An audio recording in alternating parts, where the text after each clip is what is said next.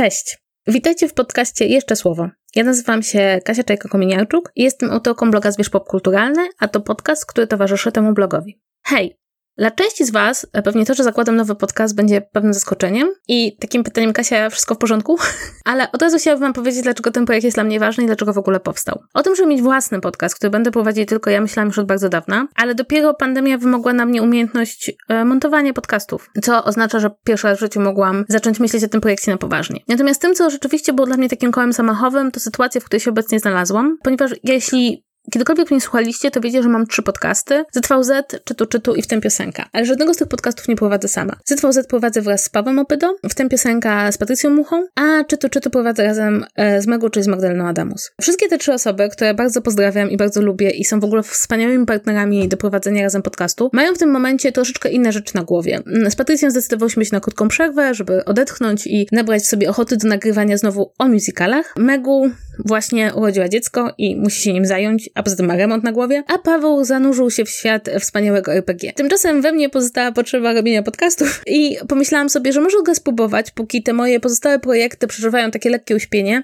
spróbować zrobić coś własnego. E, nazwałam ten podcast podcastem towarzyszącym, bo chciałabym właśnie, żeby miał taki charakter. To nie będą treści zupełnie nowe, nie wymyśliłam nowego tematu, na który chcę się wypowiadać. To będzie miejsce, w którym chciałabym wam opowiedzieć o rzeczach, o których nie zdążyłam napisać na blogu, e, z jakiegoś powodu, czy po prostu były to rzeczy, które obejrzałam na marginesie, może jakieś starsze filmy, może produkcje telewizyjne, które naprawdę nie wymagają aż całego wpisu na blogu. I pomyślałam sobie, że nazwę to jeszcze słowo, ponieważ po pierwsze to jest taki dowcip na studiach mieliśmy profesora, który w czasie objazdów historycznych, gdzie wszyscy mieli kacę i chcieli już wrócić do domu albo do autokaru, zawsze opowiadał bardzo długo i dokładnie o każdej, każdej rzeczy w zwiedzanym przez nas zabytku i kiedy już wydawało się, że skończył, to mówił jeszcze słowo. Ale właśnie to jeszcze słowo ma oddać to, że to są takie dopowiedzenia, takie drobiażdżki, takie rzeczy, które prawdopodobnie chciałabym wam gdzieś zasygnalizować, że są fajne i dobre, ale nie wiem, czy po prostu zdążę opisać je na blogu, zamieścić je tam. Chciałabym oczywiście, żeby to była także zachęta dla Was wszystkich, którzy jesteście bardziej słuchaczami niż czytaczami, e, żebyście może spróbowali poczytać trochę moich treści. Ale jeśli będziecie chcieli ich tylko słuchać, no to dostaniecie absolutny miszmasz. I to obiecuję od razu, tutaj ujawniam Wam e, taki mój pomysł, że to nie ma pomysłu. To znaczy nie będę selekcjonowała tego, będę Wam właśnie mówiła o tych rzeczach, o których bardzo często w ogóle nie mówię. O tych moich e, programach, które oglądam, ale nigdzie ich nie opisuję.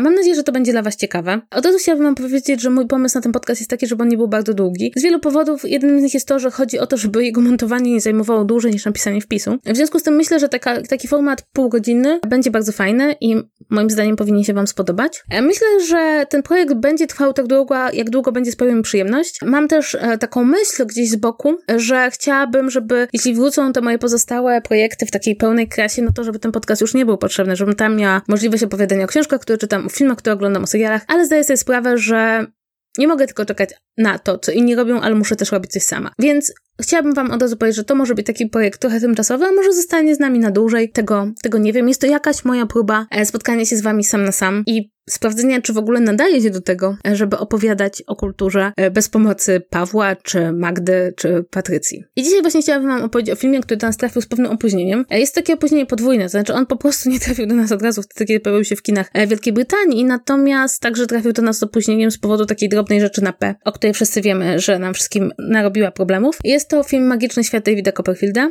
Jest to film z 2019 roku, brytyjski. No chyba nikogo, kto słyszy tytuł, nie zdziwi dziwi pomysł na to, skąd on się wziął, ponieważ jest to bardzo, bardzo luźna ekranizacja, rzekłabym, e, historii e, Dickensa. Mówię o tym, e, Dlaczego, e, dlaczego luźna? Ponieważ e, twórca filmu, fantastyczny reżyser, którego na pewno, na pewno znacie, Armando Iannuzzi, czy ja to dobrze czytam? Prawdopodobnie czytam to źle, ale jest to ten reżyser, który jest odpowiedzialny za śmierć Stalina, czy za fenomenalny serial Figurantka. On potraktował tą historię, którą ją zaproponował Dickens w sposób taki bardzo luźny. Tam są elementy, które możemy nazwać ewidentnie adaptacją, ale tak naprawdę chodzi przede wszystkim o to, co Dickens robił fantastycznie, czyli o pokazywanie bohaterów wpisanych w społeczeństwo wiktoriańskiej Anglii, e, pokazywanie tych bohaterów, którzy są na takim styku pomiędzy komizmem a tragizmem. I wyznam wam szczerze, że ta historia na, po prostu najeżona właśnie takimi charakterami, które z jednej strony mogą być dla widza ciekawe, z drugiej strony mogą być śmieszne, z trzeciej strony właśnie ta, ten śmiech przechodzi w tragizm, no dla mnie to się fantastycznie ogląda. Oczywiście mamy tu głównego bohatera, którego gra Dev Patel, e, Davida Copperfielda, który od dzieciństwa przeżywa najróżniejsze przygody, a właściwie przeżywa swoje życie, które miało ułożyć się w pewien określony sposób, był szczęśliwy żyjąc matką, a potem zostaje e, wysłany, wysłany do Londynu jako taka nieściana sierota i oglądamy jego życie, jego, jego przygody, jego miłości, ale także przez to wszystko przebija się jego skłonność do snucia opowieści. I ci wszyscy ludzie, którego, których Copperfield spotyka po drodze, stają się tak naprawdę bohaterami jego wielkiej powieści. I muszę powiedzieć, że co mnie w tym filmie absolutnie uwiodło, to po, to po pierwsze, słuchajcie, to jest film, w którym gra Tilda Swinton, Hugh Laurie, Peter Capaldi, Ben Whishaw i to jest tylko początek e, spisu mm, aktorów. Jest to, jest to rzeczywiście film, w którym e, mamy po prostu całą plejadę gwiazd i to są gwiazdy fantastycznie prowadzone i każda z nich gra taką postać, której nie jesteśmy w stanie jednoznacznie ocenić. E, dla mnie absolutnie cudownym e, bohaterem jest bohater grany przez Hugh Lauriego, czyli pan Dick, e, któremu się cały czas wydaje, że jest Karolem II, który zaraz straci głowę. I jest to taka postać, którą Laurie gra absolutnie fenomenalnie, z taką autentyczną świadomością człowieka, który traci zmysły, czy postradał zmysły, ale jest tego świadom. I, i są takie momenty, kiedy widzimy jego absolutną słabość i ten fakt, że on wie, że, że gdzieś tam się od tego świata odkleja. Świetna jest Tilda Swinton, która gra taką ekscentryczną ciotkę głównego bohatera. To, co jest fantastyczne w tej roli, to że my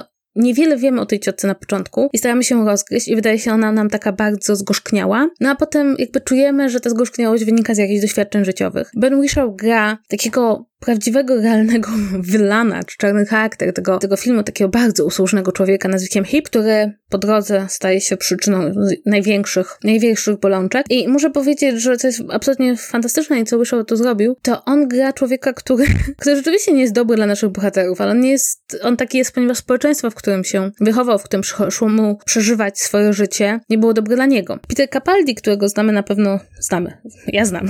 nie wiem jak wy, nie wiem czy oglądacie doktora roli doktora Who, gra z kolei takiego człowieka, który ciągle popada w długi, ale ciągle po, z takim optymizmem podchodzi do życia. I jak patrzymy na tych bohaterów, to oni się mogą nam wydawać optymistyczni, ale też Mam takie poczucie, że ten film bardzo dobrze pokazuje, jak główny bohater przypisuje takie tragiczne wydarzenia w swoim życiu w taki sposób, żeby one układały się w jakąś historię, która prowadzi do szczęśliwego zakończenia. I im bliżej się przyglądamy tym postaciom i tym, co im się przydarzyło w życiu, tym bardziej czujemy, że właśnie, że tutaj pewne niedopowiedzenia, pewne rzeczy zostają wykreślone, pewne rzeczy zostają zapomniane, postaci, które nie pasują do pewnej radosnej narracji, która kończy się kończy się dobrze. Są po prostu wykreślane z tej historii. Muszę powiedzieć, że co mnie naprawdę wzruszyło w tym filmie, to właśnie ta jego umiejętność rozbawienia, bo ja się bardzo dobrze bawiłam na tym filmie. On jest zabawny, on jest kolorystycznie, fantastycznie zrobiony, stroje są super. Takiego właśnie rozbawienia, ale też wzruszenia. To znaczy tam, jak przyjrzymy się tym bohaterom bliżej, to się nagle okazuje, że oni są, oni są tak naprawdę wynikiem jakiegoś nieszczęścia, jakichś problemów, jakichś wydarzeń, które łamią ludzi. I tutaj wydaje mi się, że to jest takie połączenie takiego tego, co napisał Dickens, bo Dickens miał po prostu niesamowite pióro do pisania bohaterów, ale też te, i, i dostrzegania tego, co się dzieje na tym styku pomiędzy człowiekiem a społeczeństwem, ale też reżysera, który bardzo dobrze wiedział, co chce zrobić, a on chciał właśnie tak postmodernistycznie zorganizować tego Dickensa. Jakby dla mnie to jest bardzo ciekawe, bo rozdźwięk pomiędzy ocenami tego filmu na IMDb filmu Webie jest jakiś taki dosyć tragiczny. Znaczy w Polsce się ten film bardzo nie spodobał podobał. Ja podejrzewam dlatego, że ten um, film ma taki bardzo, bardzo blind casting, to znaczy rzeczywiście tutaj no, w głównej roli mamy aktora hinduskiego pochodzenia, mamy też aktorów czarnoskórych, mamy aktorów Azjatów. Ja przyznam szczerze, że dla mnie to było nawet dodanie do tego wszystkiego pozytywnego elementu, bo ta różnorodność tego filmu jest jego kluczem. Tam wszyscy są różni. To, to, całe społeczeństwo jest taką wielką zbieraniną najróżniejszych typów ludzi, którzy mają najróżniejsze przeżycia i wszyscy są zmuszeni do życia w tym samym społeczeństwie, które ich, które ich stara się złamać na każdym kroku. Oni się nie dają, bo, bo mają tą moc opowieści, mają tą moc wyobrażania sobie i łapania świata za słowa. Bardzo wam polecam ten film. Jestem ciekawa, co o nim pomyślicie. Ja nie ukrywam, uważam, że ten film to jest wielki triumf reżysera i mam takie poczucie, że należy go czytać właśnie jako taką bardzo inteligentną refleksję na temat tego, co napisał Dickens. I tutaj od razu mogę wam się z wami podzielić taką moją refleksją, że to i Emma, którą niedawno widziałam, to są takie ekranizacje prozy, którą znam, ale zrobione tak, jakbym jej nie znała. I mam takie poczucie, że takie, takich ekranizacji prozy nam najbardziej brakuje. To znaczy takich, które starają się tę historię opowiedzieć jakoś na nowo, bo jeśli ja chcę poznać jakąś historię, którą napisała Austin czy Dickens, to ja mogę przeczytać książkę. Ja chcę czegoś więcej, chcę czegoś nowego i mam wrażenie, że ten film absolutnie, absolutnie tego dostarcza. Bardzo, bardzo wam polecam. Jest na VOD.pl, kosztuje parę złotych, ale jest fantastyczny co więcej, jest to jest taki film, który jest ucztą dla oczu, ponieważ nastroje są fantastyczne, zwłaszcza bohaterów męskich. Widać po prostu całą tą barwność i kolorystykę tej epoki i tego, że no nie, to nie były czasy, kiedy wszyscy się ubierali na czarno. A druga rzecz, o której chciałabym wam powiedzieć, kompletnie z innego porządku, e, to słuchajcie, z Mateuszem zawsze mam taką potrzebę znalezienia na Netflixie jakiegoś programu, który był bez gatunku competition. Ja nie wiem jak wy, ale ja uwielbiam takie rywalizacje rozłożone na kilka czy kilkanaście odcinków. Potem jak zaczęliśmy oglądać w ogóle rywalizacje kulinarne, potem one się nam skończyły, zaczęliśmy oglądać rywalizacje modowe, one się nam też skończyły, potem były rywalizacje w make-upie, oglądaliśmy najpiękniejsze ogrody, no i tak już nam się powoli zaczęły kończyć rzeczy i dotarliśmy do programu australijskiego, wyobraźcie sobie, który nazywa się Instant Hotel. No i muszę wam powiedzieć, że pomysł w ogóle tego programu jest trochę od czapy, ale wciąga niesamowicie. E, pomysł jest taki, że bierzemy cztery, tak cztery czy pięć par, każda z nich prowadzi takie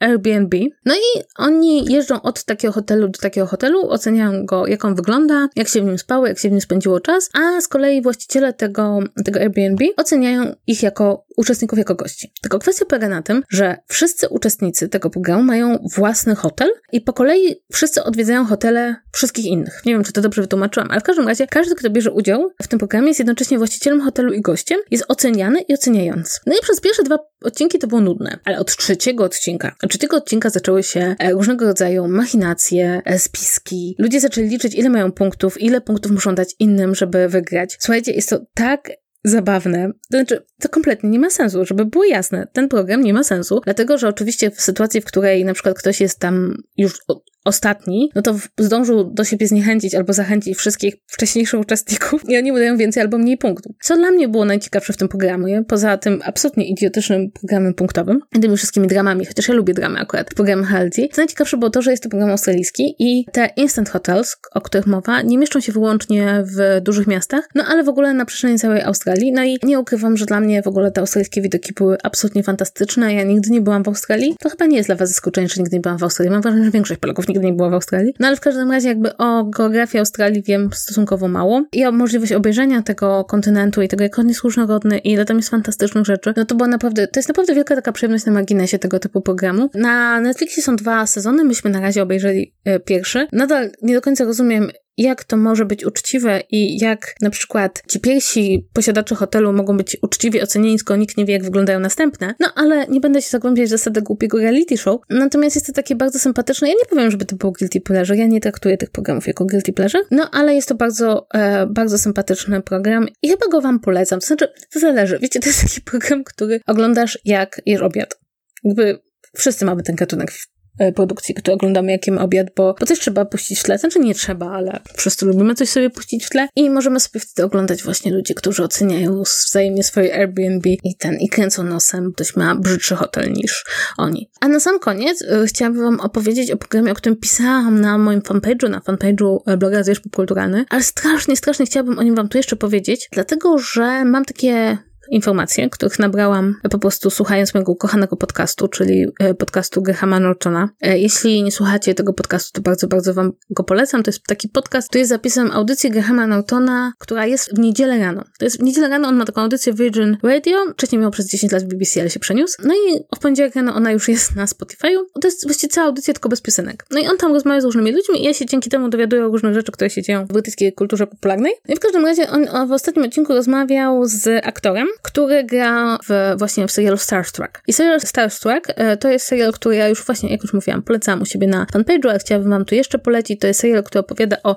e, pewnej dziewczynie, która w Sylwestra spędza noc z przystojnym mężczyzną i jest taka nie do końca, powiedziałabym, przytomna.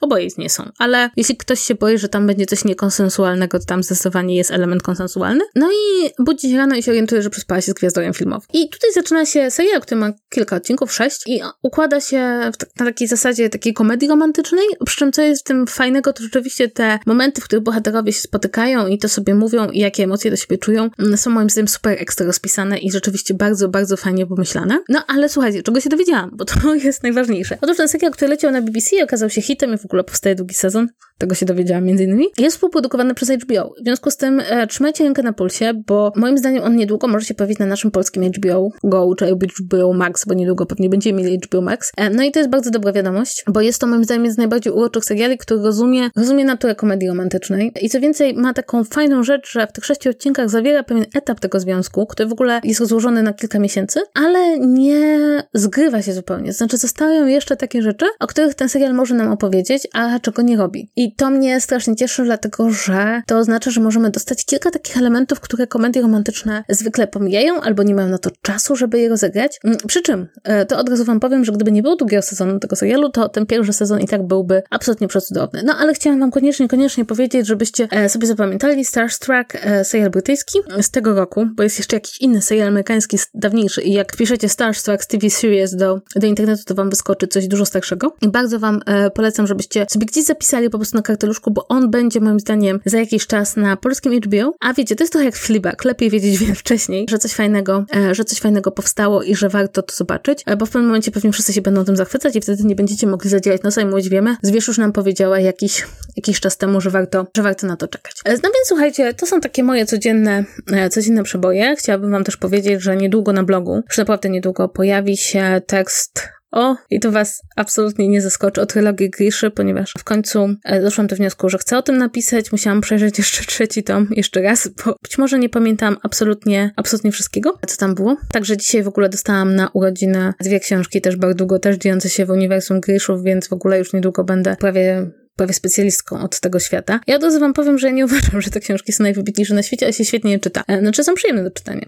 Więc już niedługo to będzie na blogu na 100%, bo po prostu nie mogę się doczekać, żeby, żeby wszystkie te swoje emocje i, i przemyślenia przesypać na bloga. No i to słuchajcie, no i to będzie, to będzie wszystko w tym tygodniu. E, dostaliście i tak wydaje mi się, że taka będzie mniej więcej nasza formuła, to znaczy oczywiście być może będą takie tygodnie, w których tych filmów będzie więcej, wiecie, wracamy do kin. Być może będzie będą takie tygodnie, kiedy będę miała po prostu tyle do powiedzenia o jednej konkretnej rzeczy, że nie będę mogła kończyć mówić. Myślę, że w ogóle będę jeszcze się wyrabiać w tej formie, no bo na razie to jest takie nasze pierwsze spotkanie i to jest taki trochę miszmasz. On pewnie ludziom, którzy słuchali e, mojego podcastu z Pawłem, przypomina właśnie tą pierwszą część naszego podcastu, e, gdzie zwykle opowiadaliśmy o rzeczach, które ostatnio widzieliśmy i słyszeliśmy i mi tej części bardzo brakuje, więc, więc być może to wam to przypomina. Może ten podcast nabierze trochę bardziej struktury, może będzie jeden film, jeden program, jedna książka. Zobaczymy. No ale na razie wygląda to tak, a nie inaczej i, i myślę, że, że to będzie właśnie takie fajne uzupełnienie. Jak ktoś mnie będzie pytał, czy o czymś mówiłam, czy o czymś pisałam, czy gdzieś dzieliłam się opinią, to zawsze będę mogła powiedzieć w podcaście. E, jeśli Wam się to spodoba, to oczywiście subskrybujcie. Mam nadzieję, że spotkamy się już niedługo. Na razie bardzo nie chciałabym Wam mówić, czy to będzie cotygodniowe, czy to będzie częstsze, ponieważ z mojego doświadczenia najgorzej jest powiedzieć, że coś jest cotygodniowe, a potem dawać to rzadziej. Ale może, może rzeczywiście e, umówmy się, że co najmniej raz w tygodniu będzie ten podcast. Wydaje mi się, że zmontowanie 20 minut nie będzie dla mnie, 20-30 minut nie będzie dla mnie takim problemem.